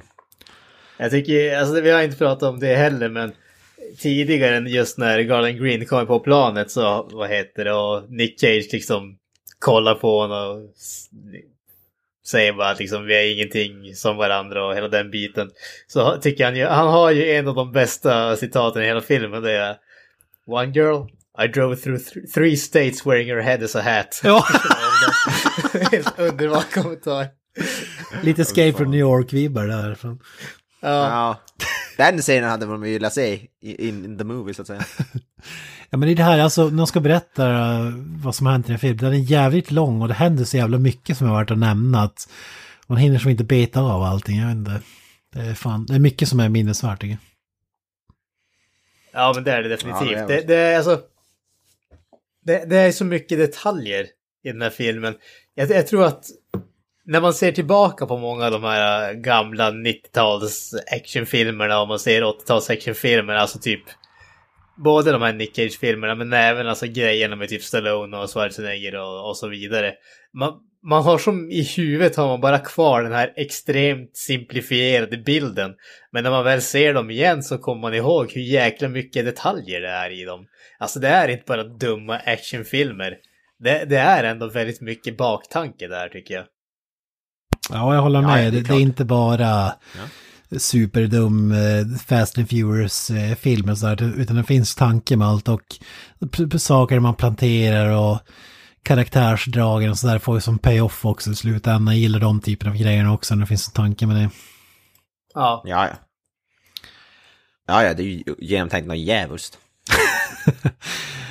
Men eh, ja, ska vi summera vad vi tyckte om filmen och kanske sätta ett, eh, ett betyg och sådär. Vad, vad säger du då Avoya? Vi börjar med dig, du som aldrig hade sett den tidigare. Säger du tjusningen är med med... Ja, alltså det där med betygsätta gamla filmer känns ju ofta lite orättvist. Man ska ju betygsätta när någon kommer ut, men jag tycker den var ju sjukt underhållande och jävligt förvånansvärt. Alltså när det kommer till specialeffekter och sånt där. Det var vissa så eld när det brinner och sådär som såg lite B ut, men det var riktigt bra actionscener. Jag gillar framförallt den där i regnet där i början tyckte jag, det var ju lite såhär John Wick-stuk sådär med typ, typ hyfsat lång tagning och man såg liksom vad som hände, det var inte så mycket snabba tagningar sådär. Såg riktigt bra ut. Och den där som Gran som nämnde i, i den nere i bagageutrymmet där på flygplanen bland annat. Och sen har vi ju då frisyren, Nick Cage som alltid, alltså hans frisyr är alltid 10 av 10 såklart. Men alltså skulle jag typ precisera den här filmen och försöka säga, sätta ett seriöst betyg så skulle det ändå hamna en stark 8, 9 av 10 eller något sådär. Bara på underhållningsvärde. Så att det sen finns, att det inte sen är... Det är ju inte, alltså så här riktigt... Jag vet inte, den är, har ju lite så här utsvävningar och den är ju lite så här...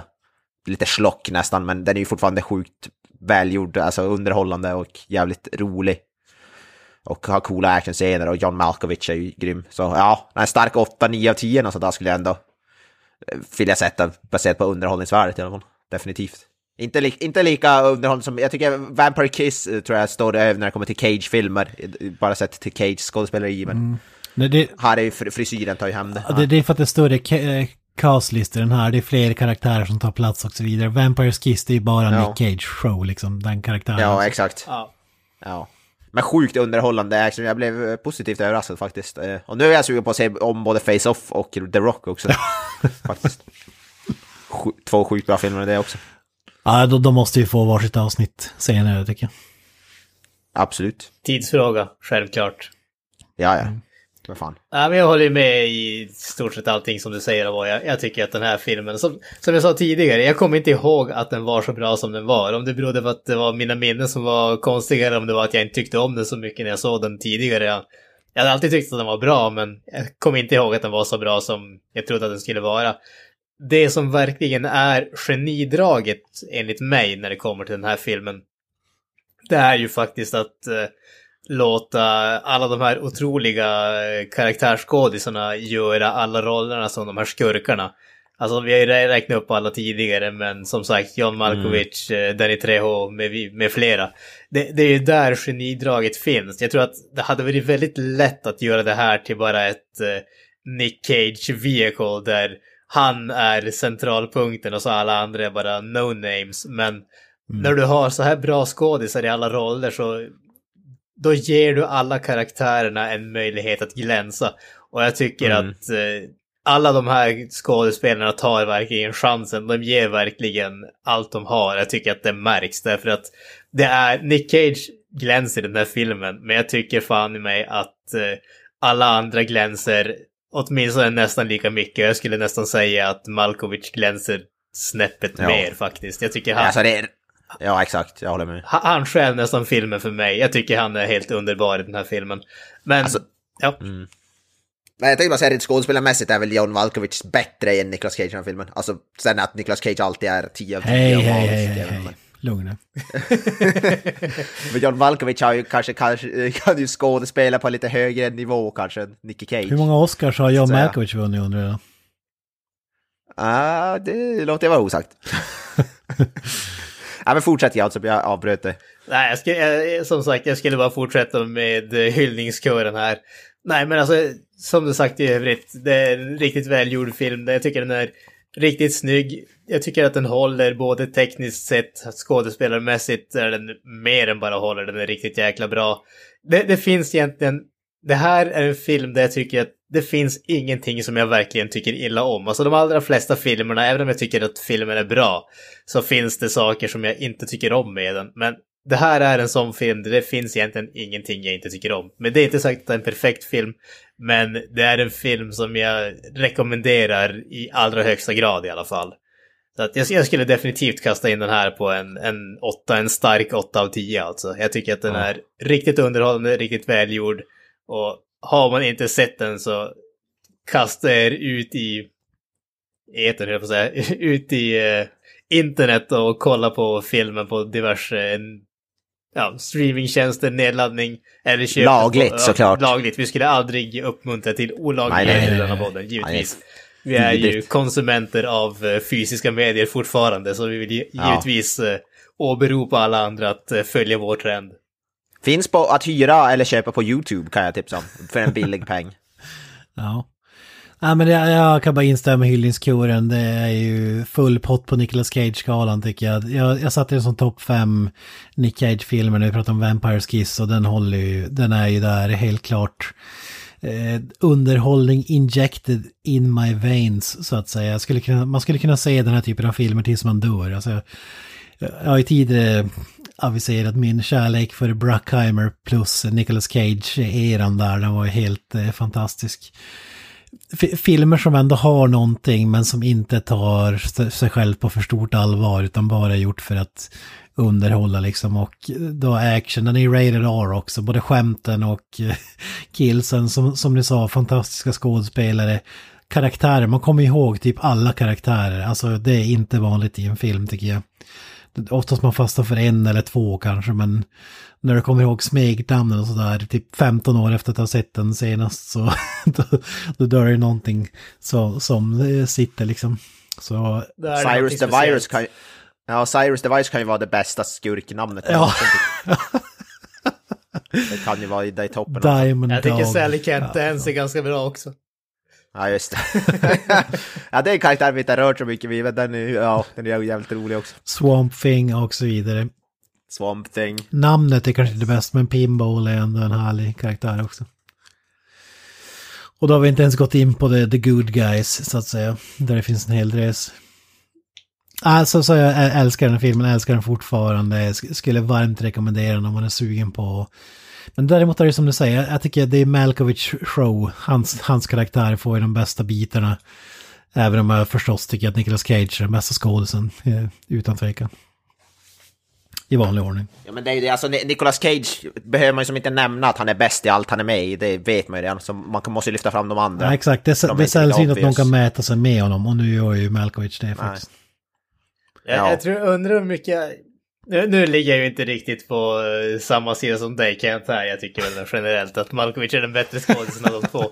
Men jag, Ah, jag tror att eh, li, lite grann av eh, varför vi är så betuttade i Malkovic i den här rollen är väl kanske, kanske för att han, han spelar lite grann mot sin typ så att säga. Alltså han brukar ju vara mer lågmäld, mer allvarlig, mer... Ja, li, lite mer straight så att säga. Och här är han ju typ motsatsen till det. Ja, det är kul att se one-liners från skådisar som verkligen är bra skådisar, inte bara liksom Ja. underhållande. One-liner-maskiner. Ja, precis. Någon som Även om jag älskar Nick- dem Nick också Cage. förstås. Nick, Nick Cage är ju one-line-maskin nummer ett, förmodligen. Ja, ja, ja. Ja, men jag känner John, Q- John, John Cusack, nu är det där igen. John, Mal John, John Malkovich, han är one trick pony, han har ju som en karaktär han gör. Nick Cage, han gör ju allt, han kan göra allt. Och Ja, ja. saker vi aldrig har sett tidigare. Shama, Och gör- Nouveau ja, Shamanic exakt. och så vidare. Ja, och gör allting 10 av 10 också. Exakt, exakt. Eh, Men avslutningsvis bara undrar jag, man vill, ju, man vill ju se det uppföljare till den här och man vet ju att Cage, han tackar ju inte nej till något så han skulle ju garanterat göra den. Och de har ju pratat, regissören har ju sagt way back in the days att om han, han är sugen på att göra en uppföljare men då vill han göra den in space och göra något helt galet med den. ja, det är ju klart. Det låter ju fan. underbart. Ja, tänk dig fångtransport i rymden och, och hans tanke var ju att antingen skulle skurkarna vara regenerated så vi kan ta tillbaka alla karaktärer från den här filmen. Eh, ja, li- lite som i Universal Soldier eller eh, ja, den, den typen av film liksom. Ja, jag tycker det var en Alltså, fantastisk ta- idé alltså. Tänk er Nicolas Cage som har space uh, marines ut och skjuter lasergevär och grejer. Ja, men som Michael. Biehn typ i Aliens. Ja. Alltså den måste ju bara heta Con Air in Space, alltså den, det är ju perfekt titel, behöver inte heta något annat heller. Ja, Space Nej, Con precis. Air. Ja, eller Con Space då kanske. Conspace, precis, Conspace. alltså en Ja. sak eh, som vi faktiskt inte har pratat om, men som jag verkligen älskar med den här filmen. Mhm. Det är en sån här bisarr grej som jag inte vet varför jag hakar upp mig på, men jag tycker verkligen om det. Det är att vi har en logga i öppningstiteln. Alltså, filmen har en logga. Det är sån här uh, örnen som man ser, som även finns på flygplanet Conair. Men av någon anledning så älskar jag det där. När det finns typ loggor Ja, och sånt. Den är sjukt metal den här loggan som kommer fram tycker jag också. Den är oerhört Badass. metal. Ja. Det, det finns ju, det, det har jag inte sagt heller, men det, fin, det fanns ju, Con Air finns ju på riktigt. Alltså, det fanns så här fångtransport som skapades, jag vet inte om det var samma år eller året innan som filmen gjordes. Då var det en ny grej när man, så jag tror att manusförfattaren åkte med på typ tre resor för att lära känna och smeknamnet för den här fångtransporten via flyg var Con Air. Så det är där namnet till filmen kommer ifrån, det är också en fin touch. Alltså, jag, jag har faktiskt, innan jag sett filmen så har jag faktiskt inte fattat varför, vad Con Air, vad det som betyder. Man ser filmen är det ju obvious, men jag förstod som aldrig vad, vad det betydde. Ja, men det är så skämtsamt smeknamn, det heter ju någonting Ja. seriöst. Men det kallas för Con Air eftersom att Ja, det var fångar som flyger. Det är det han säger, John Malkovich, han är ju som värsta flygkapten på den. Han bara “Welcome to Con Air, please take your seats” och bla bla bla. bla. Ja, fantastiskt. Ah, ja, vad säger du? Ska vi det- knyta ja. ihop eh, Cameron Posek eller? Ja, knyta ihop, vad heter det, Cage-frisyren. Absolut. I en liten det, det man-bun. tycker jag att vi gör. En man-bun. Jesus Christ. Men fan, det, är väl, det måste vara den enda frisyren, har Cage någonsin haft en man-bun? Det känns, är det den enda han missar i sitt CV? Kanske. Ja, jag, jag tror att eh, han har för mycket testosteron för att eh, ha en man-bun, misstänker jag. Alltså man-bun, det finns ju ingen manligare än man-bun. Kom igen nu Granström. Ja, fy fan, skärp dig. Fan. Hemskt, hemskt. hemskt, Nu hemskt. sårar du Kent och hans man-bun, för fan. Det var ju riktat, om vi säger så. Jaha okej, ja, ja. Fy fan vad lågt. Ah, ja, put, Ja. put, the bun, put the bunny back in the box nu så kör vi. Ja, Put the bunny back in the box. Ja, men kära lyssnare, ni har lyssnat på ännu ett avsnitt av Creative Meltdown Podcast. Ni hittar oss på alla ställen där podcastar finns, iTunes, Spotify med mera.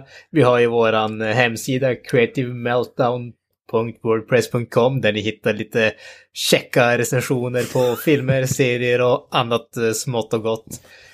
Ni får gärna höra av er till oss. Vi tycker om eh, kritik, vi tycker om hyllningar, vi tycker om allting. Vi vill bara att eh, ja, folk ska kommunicera för Gratis grejer vi vill vi är gärna ha. oerhört ensamma och vi vill gärna veta att det inte bara är vi tre kvar i världen så att säga. Nej.